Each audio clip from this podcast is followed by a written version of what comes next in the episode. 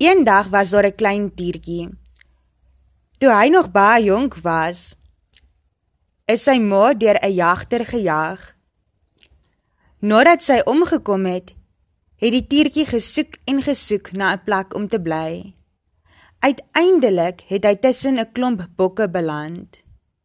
Die tiertjie het gras geëet, aan plante gekou, met die bokke gespeel en selfs kop gestamp met hulle.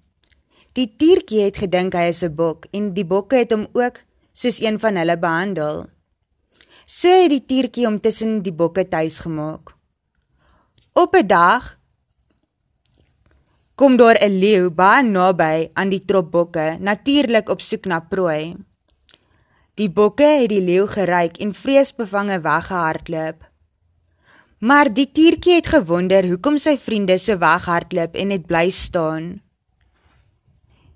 Skielik het die welpie die groot leeu raak gesien en nader gegaan om met hom te speel.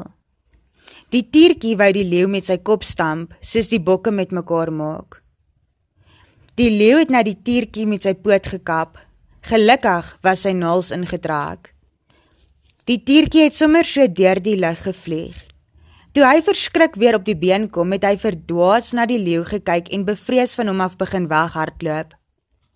Die leeu het die tiertjie agterna gesit, hom in sy bek opgetel en na die watergat gedra. Toe hulle daar kom, gooi die leeu die tiertjie in die water. Terwyl die tiertjie verwoed die water van sy pels afskud, sien hy met een sy eie weerkaatsing in die water raak. Hy kon nie ophou staar nie. Eers na sy eie spieelbeeld en dan na die gesig van die uitgegroeide leeu wat langs hom staan. Toe weet die tiertjie vir die eerste keer wie hy is. 'n Tier en nie 'n bok nie. En vir die eerste keer het die tiertjie kliphard gebrul. Jesus is soos die groot leeu wat vir ons, die tiertjies, wys dat ons nie tussen die bokke hoort nie.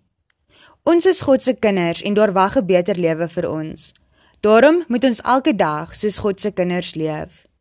2 Petrus 1 vers 10 Daarom moet julle julle des te meer daarvoor beywer om deur julle lewe te bewys dat God julle geroep en verkies het.